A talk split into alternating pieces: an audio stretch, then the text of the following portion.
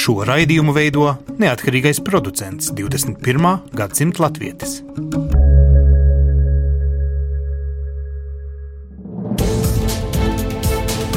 Septiņas dienas Eiropā piedāvā Eiropas radiotīkls Eironet.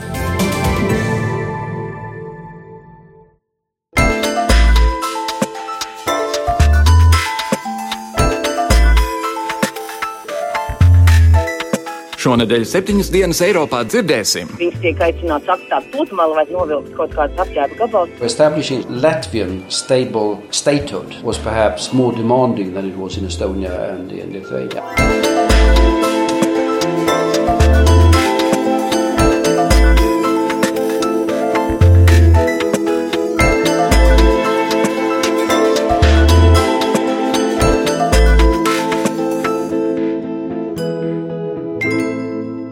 Labdien, godējamie klausītāji! Latvijas radio studijā Kārlis Streips esiet sveicināti jaunākajā septiņas dienas Eiropā. Tieši šodien, pirms 25 gadiem, Zviedrijas karalisti neatkarīgajā Latvijā atkārtoti atvēra savu diplomātisko un konsulāro pārstāvniecību. Ir arī pagājuši 25 gadi, kopš atsākās mums ļoti nozīmīgā Ziemeļvalstu un Baltijas valstu reģionālā sadarbība. Un kamēr pagājušo nedēļu ASV prezidents Joe Bidenis Rīgā mierināja latviešus, ka NATO 5. panta pildīšana Amerikai ir goda lieta un svēts pienākums, tikmēr priecāja arī neitrālās Zviedrijas parlamenta vicespīkera Bilstrēma teiktais intervijā Latvijas televīzijai, ka Zviedrija, nebūdama NATO dalība valsts, tomēr ir gatava nepieciešamības gadījumā aizstāvēt arī savas kaimiņu valstis. Ja mūsu kopīgais reģions būs apdraudēts, Zviedri nepaliks malā. Tas ir liels mierinājums, jo galu galā ASV ir tālu, tālu prom, bet Zviedrija tepat pāri jūrai. Tālāk šodien raidījumā sarunāsimies ar senu Latvijas un Baltijas draugu, Zviedrijas bijušo premjeru un ārlietu ministru Kārli Biltu. Vēl jautāsim, vai pēdējā laika Francijas piekrastu pilsētu Burkīnī aizliegums nav pret brīvības, vienlīdzības un brālības republikas sludinātajām tiesībām, un vai vēršanās pret apģērba gabalu nav drīzāk slēpta vēršanās pret veselu reliģiju. Bet vispirms, Vācijas kanclere Angela Merkele Itālijas dienvidos tikšanās laikā ar saviem itāļu un franču kolēģiem solīja darīt visu, lai ar Ziemeļāfrikas valstīm ieviestu tādu pašu viens pret vienu bēgļu migrantu apmaiņas sistēmu, kāda šobrīd Eiropas Savienībai ir ar Turciju. Tikmēr Merkeles atvērto durvju politika pašmājās gādā par lielām priekšvēlēšanu reitingu galvas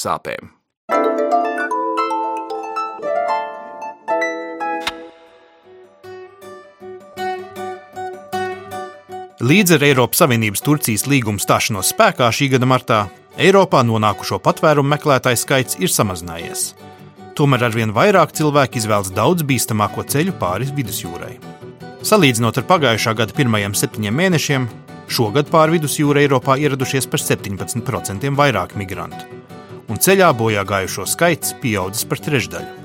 Apvienotās nācijas jau ir brīdinājušas, ka migrantu krīzi gaida jauna eskalācija, un tas mudinājis tikties Vācijas, Francijas un Itālijas līderus, lai apspriestu iespējamos risinājumus. Vācijas kanclere Angela Merkele pēc tikšanās norādīja, ka, lai kontrolētu migrantu ceļus vidusjūrā, Eiropas Savienībai ar Ziemeļāfrikas valstīm jāslēdz līgumi, par piemēru ņemot jau minēto Eiropas Savienības Turcijas līgumu, kas paredz sūtīt uz Turciju nelegālos imigrantus pretī uzņemot kara bēgļus. Angelas Merkeles popularitāte pašas mājā pamatīgi sarukusi, un jau pēc gada Vācijā gaidāmas Bundestāga vēlēšanas.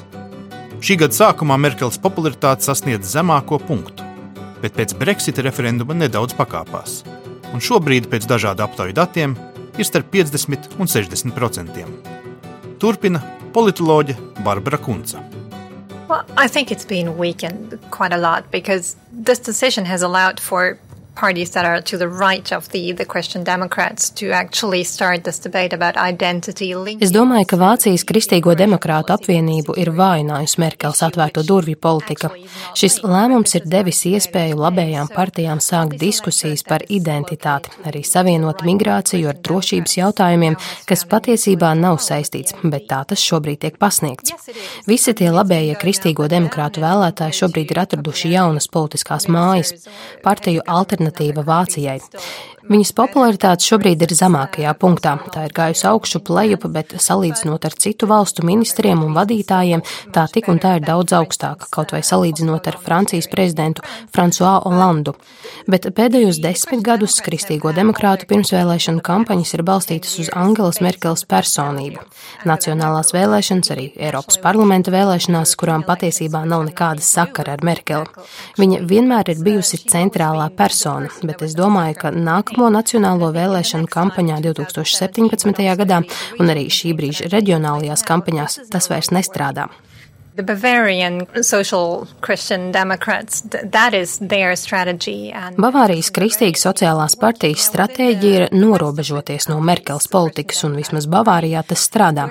Pārējā teritorijā Kristīgie demokrāti vēl nav nonākuši līdz tādam punktam, bet pat partijas cilvēki redz, ka partijas alternatīva Vācijai veiksme neļaus turpināt viņiem ierasto dzīvi, jo alternatīva Vācijai ir spējusi izdarīt to, ko citas labējās spārna partijas nav, proti parādīt sevi sevi kā normālu konservatīvo partiju, par kuru cilvēki var balsot bez tā kauna traipa, ka viņi ir balsojuši par ekstrēmo labējo partiju. So that people can vote for it without having the stigma of voting for extreme right-wing parties.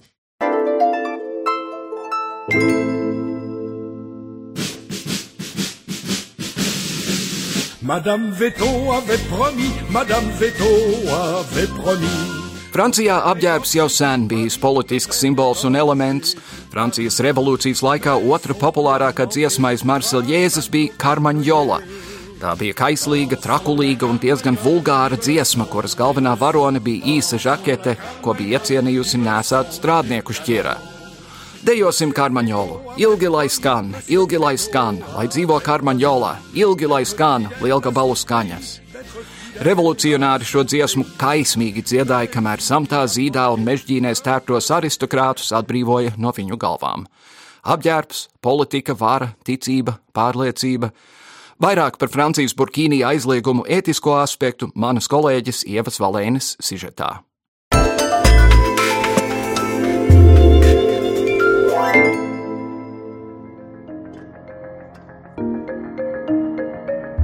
2004. gadā pasaulē nāca burkīni, hijābu un peltkustīm apvienojums, ko izveidoja Aheda Zanetti. Lībijā dzimusī, Austrālijā dzīvojošā sieviete burkīni izveidoja domājot par savu radinieci, kurai hijābs traucēja piedalīties austrāliešiem tik ļoti svarīgajā pludmales kultūrā, spēlēt volejbolu ar citiem bērniem. Aheda mājās mēģināja apvienot pieticību, ērtumu un musulmaņiem svarīgo ķermeņa formu neizrādīšanu. Kā viņa vairāk kārt norādījusi intervijās, viņas mērķis, radot burkīnī, bija dot sievietēm brīvību. Aheda Zaneti arī uzsvērusi, ka burkīnī nav islāma, bet gan atpūtas, laimes, fitnes un veselības simbols. Taču pēc vairākiem teroristu uzbrukumiem Francijā virkne pilsētu aizliedz savās pludmalēs valkāt burkīnī. Pagājušajā nedēļā internetā klejoja fotogrāfijas, kurās četri policisti aplēca sievieti Nīcas pludmalē, kurai mugurā bija legingi, tēkrakls, tunika un ap galvu apsiets lakats. Policisti lika sievietei tuniku novilkt. Pēc tam, kad fotogrāfijas publiskoja virkne mediju, sacēlās vētra gan sociālajos tīklos, gan daudz portālu viedokļu lejās.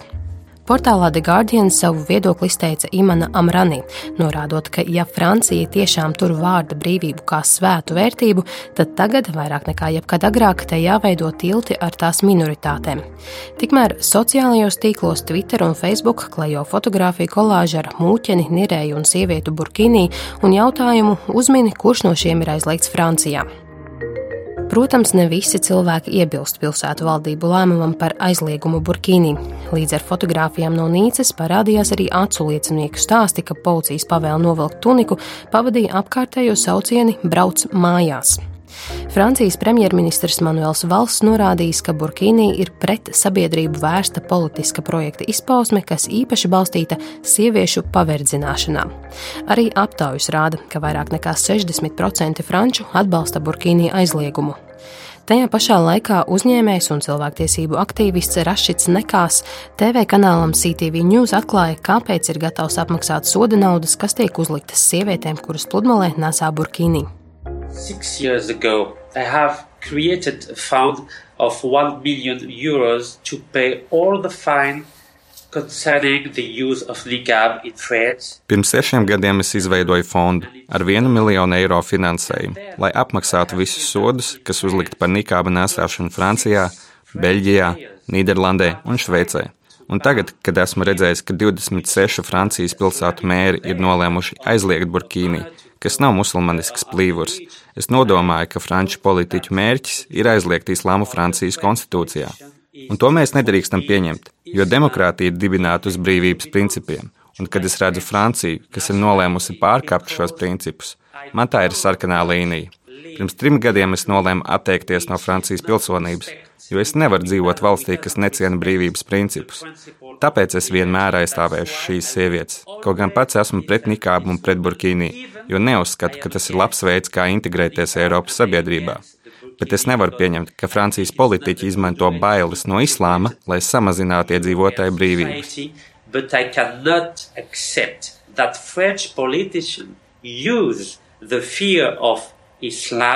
to reduce the number of the rights Šī nav pirmā reize, kad Francijā tiek ierobežota reliģisku simbolu nēsāšana publiskās vietās. Piemēram, 2004. gadā tika aizliegts skolās nēsāt galvu nosedzošu lakatu, lielus krustiņus, ebreju tradicionālo galvas segu kipu, bet 2010. gadā aizliedza publiskās vietās nēsāt seju aizsedzošo nikābu. Pēc terorakta Nīcā nāca Burkīnī aizliegums vairāk nekā 20 Francijas pilsētās. Par aizliegumu vienā no pilsētām, Vilnevlubē, piekdien tika skatīta lieta Francijas augstākajā administratīvo tiesu instancē valsts padomē. Tiesa norādīja, ka vietējās varas iestādes var ierobežot personīgo brīvību tikai gadījumos, ja ir pierādāms apdraudējums sabiedriskajai kārtībai, kāda šī gadījumā nesot. Lai gan valsts padomas lēmums rada precedentu, kas attiecas arī uz pārējām pilsētām, kas izsludinājušas līdzīgus aizliegumus, citas pilsētas solījušās to neievērot. Nosodījums par šo aizliegumu nācis arī no ārvalstu viesiem. Londonas mērs Sadiks Kāns pagājušajā nedēļā viesojoties Parīzē paziņoja, ka nevienam nevajadzētu teikt sievietei, ko viņa drīkst un ko nedrīkst vilkt. Viņš arī norādīja, ka Londona nav perfekta, tomēr viens no pilsētas plusiem ir tas, ka tā ne tikai tolerē atšķirīgo, bet gan to ciena, svin un iedrošina. Francijas policijas darbinieki sodījuši jau vairākas sievietes, un pēc internetā nonākušajām fotografijām šķiet, ka policisti nešķiro burkīnī no citiem pludmales apģērbiem. Pie soda tikusi arī kāda dāma rozā salmu platmalē un rakstainā tunikā, ļoti musulmaniskā apģērbā. Oksfordas Universitātes asociētā profesore antropoloģija Dace Zenovska, runājot par burkīni aizliegumu, saka, ka esam nonākuši pie visnotaļ interesanta momenta, kad ķermeņa atkailināšana tiek pieprasīta ar likumu. Tad, nu, kas notiek, ka kaut kāda veida lietas tiek šādā veidā ar valsts varas palīdzību nostiprinātas un ieviestas, ja? tad, tad ar policijas vai inspekcijas kaut kādu palīdzību. Un tur, tur efekts, protams, sabiedrība ir diezgan pamatīgs, un par to droši vien var runāt atsevišķi. Es domāju, šis aizliegums tos izteiktos mērķus nekādīgi nesasniedz, drīzāk vai pat pret, pretēji tiem darbojas, jo, kā jūs varat iedomāties, ja cilvēki, teiksim, skatās uz to, kā pludmalē policijas klātbūtnē, teiksim, sievietēm, vai, nu, viņas tiek aicināts atstāt pludmali vai savukārt novilkt kaut kādas apģērba gabals, tas diez vai rada pozitīvas emocijas viņām vai, vai tiem, teiksim, kas to vēro, sevišķi no musulmaņu kopienas, tad, tad nekāda integrācija vai tolerants, manuprāt, tur, protams, veidot netiek. Būtu interesanti, nu, man liekas, piesfiksēt jebkuram, kas ir vēro šos kadrus, policija stāv blakus sievietei pludmalē, kura, man priec, ka tas diezgan daudzos rada tādu pavisam ar muguras smadzenēm tādu diezgan negatīvu reakciju, ja, jo vien tas, ka valstiskas um, institūcijas ir spējīgas pazemot cilvēku publiski tādā veidā, man šķiet, ka jebkuram tā pretreakcija būtu diezgan stipra šī gadījumā.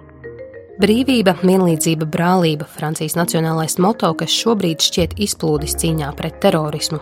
Kāds izrādās brīvāks, cits vienlīdzīgāks, bet brālība paliek otrajā plānā.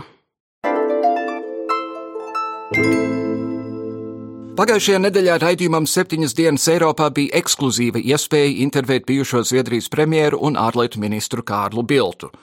Bilds kļuva par Zviedrijas premjeru 91. gada beigās, tieši Padomju Savienības izjukšanas laikā, un kā sens Baltijas draugs ļoti palīdzēja jaunizveidotajām valstīm pirmo gadu grūtībās un izaicinājumos. Bilds, ticēdams Eiropeiskai integrācijai, bija arī tas premjers, kas panāca Zviedrijas iestāšanos Eiropas Savienībā. Vēlāk, Kad viņš bija ārlietu ministrs Zviedrijas valdībā, sākās Ukrainas revolūcija, Eiromaidāns, bija Krimas okupācija un karš Austrumukrainā. Tūlīt dzirdēsiet interviju manu kolēģu tulkojumā, bet, ja vēlaties to noklausīties oriģinālu valodā, tad to var atrast Latvijas radio mājaslapā, septiņas dienas Eiropā sadaļā pie šodienas raidījuma. Lai labi klausās, saruna par Baltijas, Skandināvijas un Eiropas neseno vēsturi, tagadni un nākotni ar valsts vīru, Eiropieti un senu Baltijas draugu Kārlu Biltu.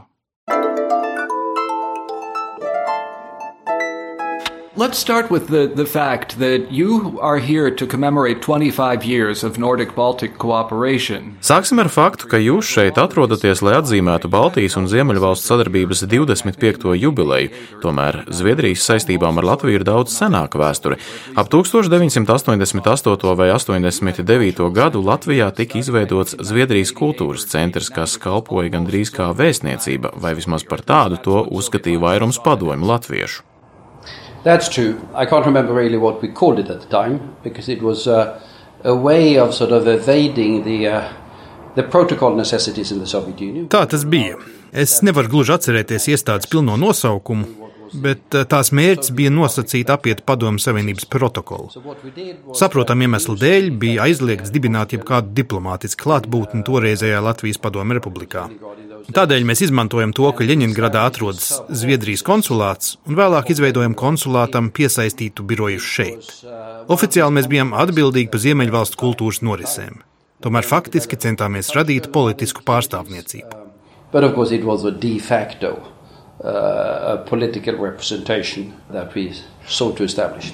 What do you remember about the three-day putsch? Un ko jūs atceraties no trīs dienu ilgā puča Maskavā, kam faktiski sekoja Baltijas valstu neatkarība? Well, a lot. We were in the middle of a Swedish election campaign at the time. I was leader of the opposition. Diezgan daudz atceros. Tobrīd es biju opozīcijas līderis Zviedrijā, un bija tieši priekšvēlēšana laiks. Tolaik aptaujās guvām visai pārliecinošu pārsvaru. Tomēr vēlēšanās nekad neko nevar zināt. Puča laikā es atrados Stokholmā, un man bija iepriekšēji pieredze šajos jautājumos, piemēram, janvāra notikuma laikā. Tādēļ es biju visai aktīvi šajā kontekstā. Un ar labiem kontaktiem medijos, protams. Pirms tam jau biju ticies ar Janājevu kungu, kurš bija puča vadītājs. Un tādēļ es biju visai pārliecināts, ka puķis izgāzīsies. Viņam nebija sevišķi iespaidīgs raksturs, un viņš nebija pārliecinošs līderis, kas būtu nepieciešams iezīmes sekmīgam apvērsumam un divas dienas vēlāk pučs tiešām izgāzās. And two days later, it did collapse. Indeed, it did. And uh, Russia got Boris Yeltsin, who proved to be more or less of a clown. Tiešām izgāzās, un Krievija tika pie Borisa Jelcina, kurš, kā izrādījās, bija āksts. And a drunkard. But later on, you can say that. But that's sort of nearly 10 years later. I think he was, uh, he had his own characters, a very Russian man. Tas tikai vēlāk tā izvērsās. Manuprāt, viņam bija savdabīgs raksturs. Viņš bija izteikti krievisks cilvēks. Viņš bija ļoti pašpārliecināts, un viņam bija vairākas idejas. Viena no tām bija, ka Padomu Savienība nevarēja vairs pastāvēt. Otra bija tā, ka bija nepieciešams ieviest demokrātiju. Un trešā ka bija nepieciešams fundamentāls reformas, un arī, ka Baltijas republikām bija tiesības uz neatkarību. Viņš palika pie šīm idejām. Manuprāt, bez viņa izvērstos pavisam citādāk. Par spīti visiem rakstura trūkumiem, kas parādījās krietni vēlāk, viņš bija ļoti būtisks elements notikuma attīstībā. Un visi atceras viņu stāvam uz tanka puča laikā.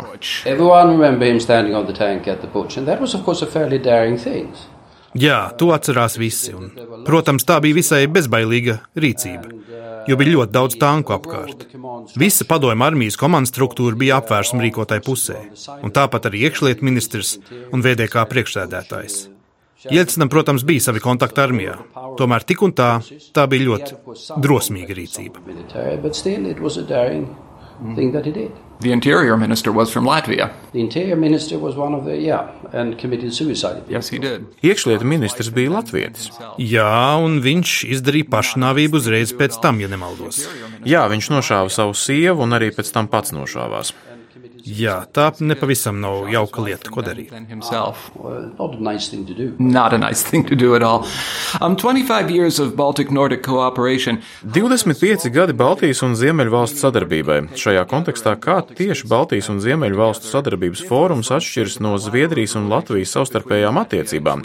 Vai tās vienotru papildina vai tomēr kaut kā pārklājas? No, Uh, but there's quite a number of things that we can do in sort of this multilateral frameworks. Tās papildina vienu otru, jo tā ir pavisam cita lieta. Ir vairākas lietas, ko esam spējīgi izdarīt ar šādu daudzpusīgu pieeju. Šādas daudzpusīgas sanāksmes ir ļoti svarīgas, jo tās papildina jau esošās starpvalstu attiecības. Pavisam noteikti pastāv arī īpašas attiecības, piemēram, starp Somiju un Igauniju, kas ir saistīts ar abu valstu geogrāfisko tuvību. Par Zviedrijas un Latvijas attiecībām, nu, ņemot vērā vēsturi, pateicoties tam, ka agrāk Zviedrijas ietekmes sfērā ietilpa Igaunija, mūsu attiecības ar viņiem bija ļoti labas. Neilgi pēc tam, protams, arī tika dibinātas labākas attiecības ar latviešiem. Līdz tam brīdim mūsu kontakti ar lietuviešiem gan bija visai ierobežoti. Es teiktu, ka pat labam Zviedrijas attiecības ar visām trīs Baltijas valstīm ir vairāk vai mazāk vienādas. And uh,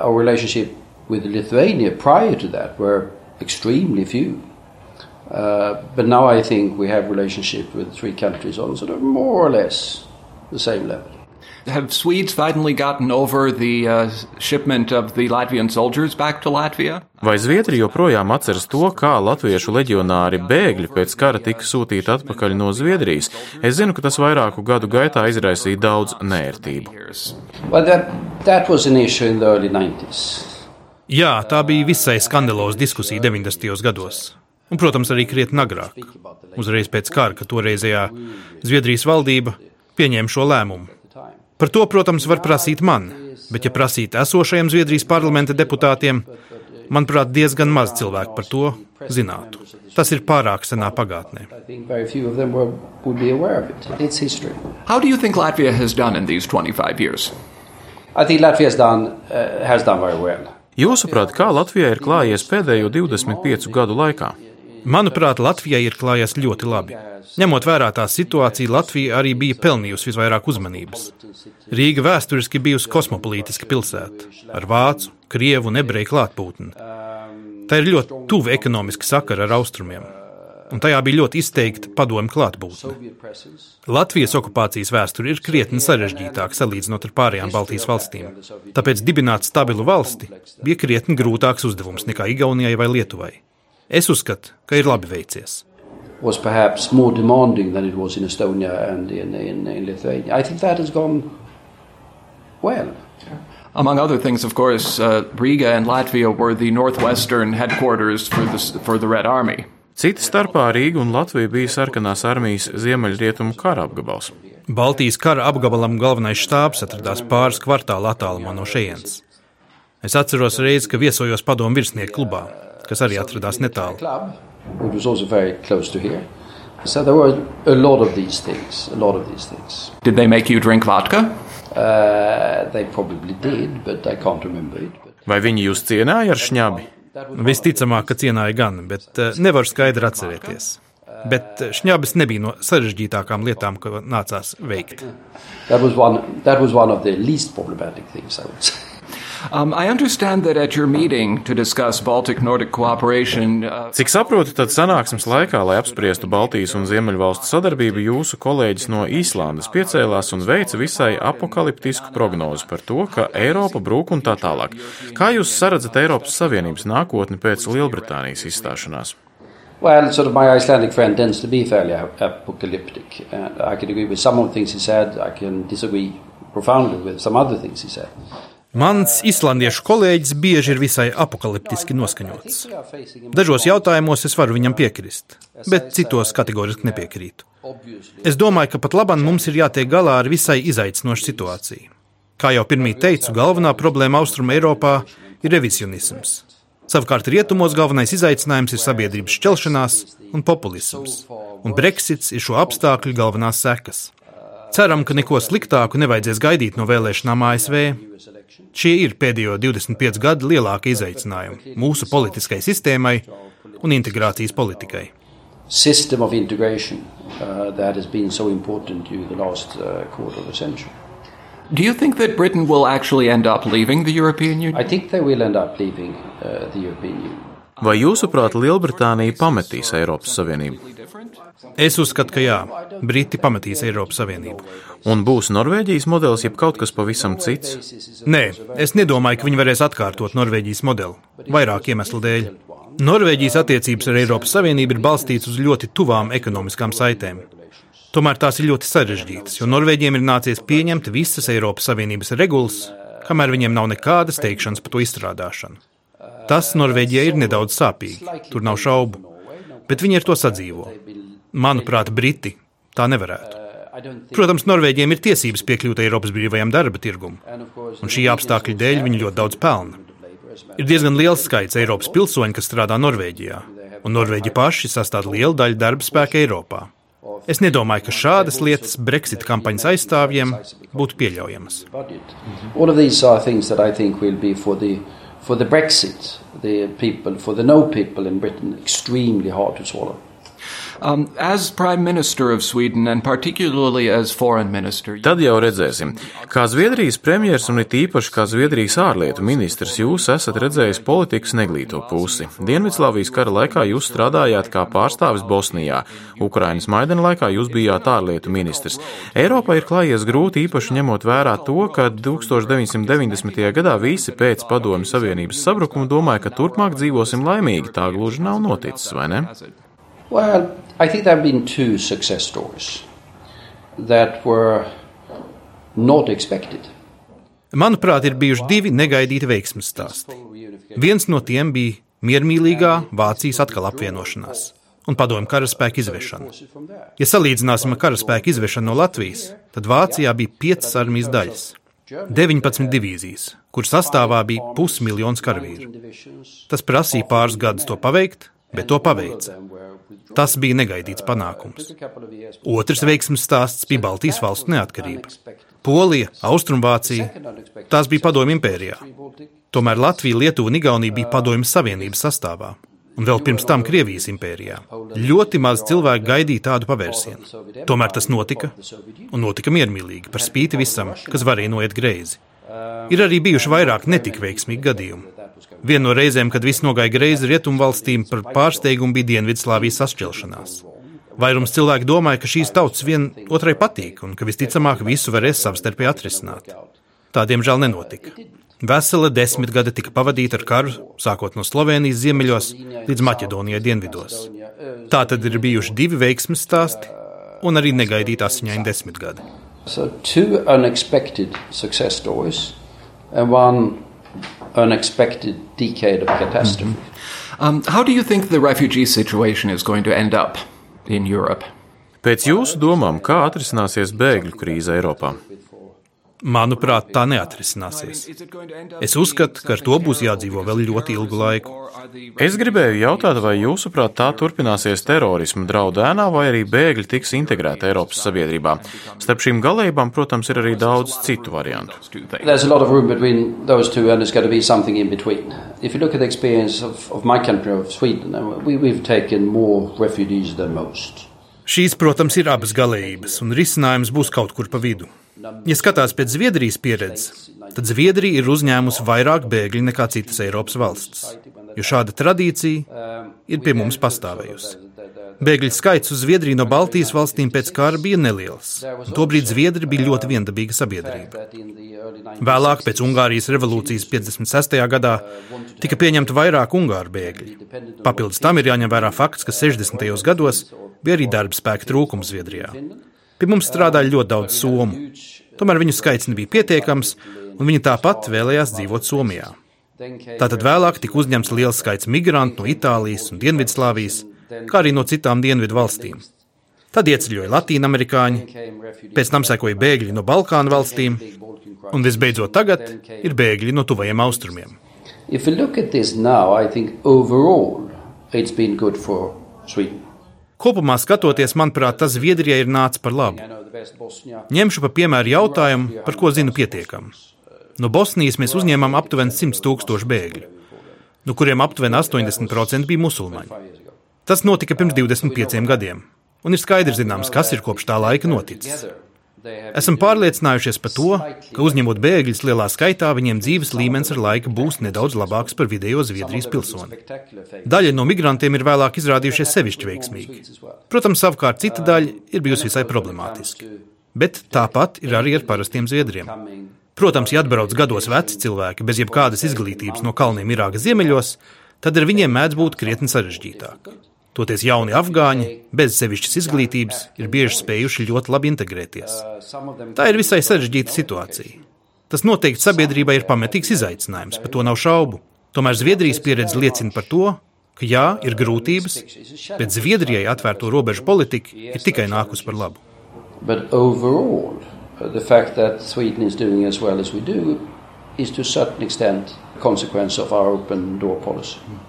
Is it true, by the way, that there was a year when Astrid Lindgren had to pay more in taxes than she earned? Yes, there was.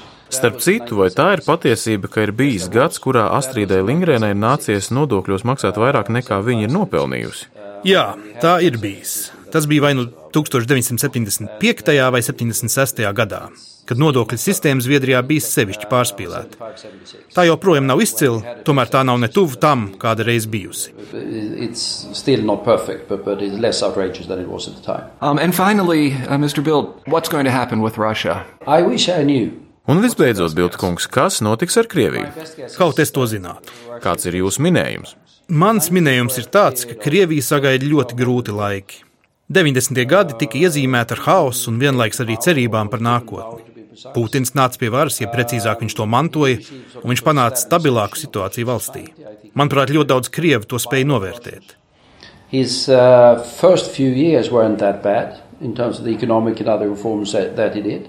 Viņa pirmie gadi ir vērtējami labi ekonomisko reformu dēļ. Tomēr kopš tā laika Krievija ir kļuvusi autoritārāka, ar tendenci uz vēsturisku revisionismu un atsvešinātību no pārējās pasaules. Putinam sākotnēji ir ļoti veicies. Viņš ir piedzīvojis desmit gadus ar augstām naftas cenām, un līdz ar to ir arī augusi Krievijas iedzīvotāju labklājība. Tomēr tā vairs nav. Krievija pat labāk sirgst ar ekonomisko stagnāciju un sociālo pagrimumu. Tā to ir mēģinājusi atrisināt ar militarizāciju un nacionālismu vilni, un es nesaskatu, kā tas var līdzēt. Tomēr ilgtermiņā mums jācer uz to labāko. And I fail to see that anything good is going to come out of this. But long term, let's hope. Has, has, Ukraine asked your advice about what to do? And if, if not, what would you advise President Poroshenko and his government to do? Well, I see him now and then. No, I, I advise him, of course, to concentrate on the, uh, the reform of Ukrainian society. Vai Ukraina ir vērsusies pie jums pēc padoma? Ja nē, tad ko jūs ieteiktu prezidentam Porošenko un viņu valdībai? Es ik pa laikam tiekos ar Porošenko. Es viņam iesaku turpināt koncentrēties uz Ukraiņas sabiedrības reformām. Pēc manām domām, vienīgi ar pārmaiņām ekonomiskajā un politiskajā dzīvē var panākt saliedētāku sabiedrību Ukrainā. Sabiedrībai, kuras pamati ir stipri, nav jābaidās no destabilizācijas. Krievija var viegli destabilizēt iekšēji šķeltas valstis, tomēr tā nespēja gāzt stabilu stabilu, solidāru sabiedrību. Šāda mācība arī attiecās uz Baltijas valstīm. Jākoncentrējas uz to, lai padarītu pašu Ukraiņu stiprāku, un tikai tad var mēģināt atrisināt Donbasu jautājumu. Uh, so that, that I say to him all the time. Uh, concentrate on making Ukraine strong. Then we'll see how to handle the part of Donbass that Mr. Putin has uh, taken care of for the time being. And finally, what would you wish for, for Latvia for the next 25 years? I would wish that uh, Latvia and Estonia and Lithuania were able to, it's difficult, but still, to come back on uh, a trajectory of high economic growth. Un visbeidzot, ko jūs novēlētu Latvijai uz nākamajiem 25 gadiem? Es novēlētu Latvijai, Lietuvai un Igaunijai atkal virzīties uz ekonomisku labklājību. 25 gadu laikā ir notikusi graujoša pārēja no Padomju Savienības sabrukuma līdz momentam, kad sasniedzat Ziemeļvalstu un Eiropas labklājības līmeni. Manuprāt, jūs pārcietat 2008. gada krīzi krietni labāk nekā virkni citu valstu.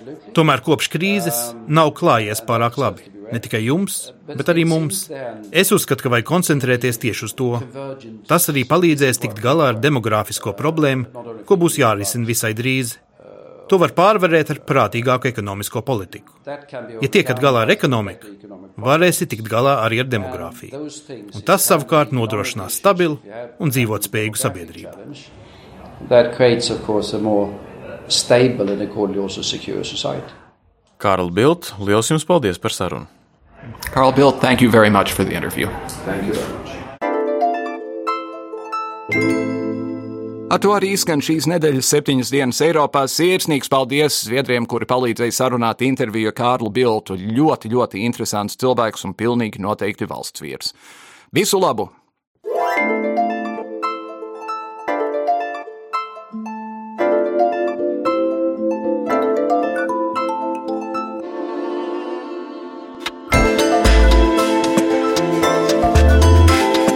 Raidījumu veido Kārlis Streips, Ieva Valēne un Jānis Krops. Raidījuma producents Lukas Rozītis.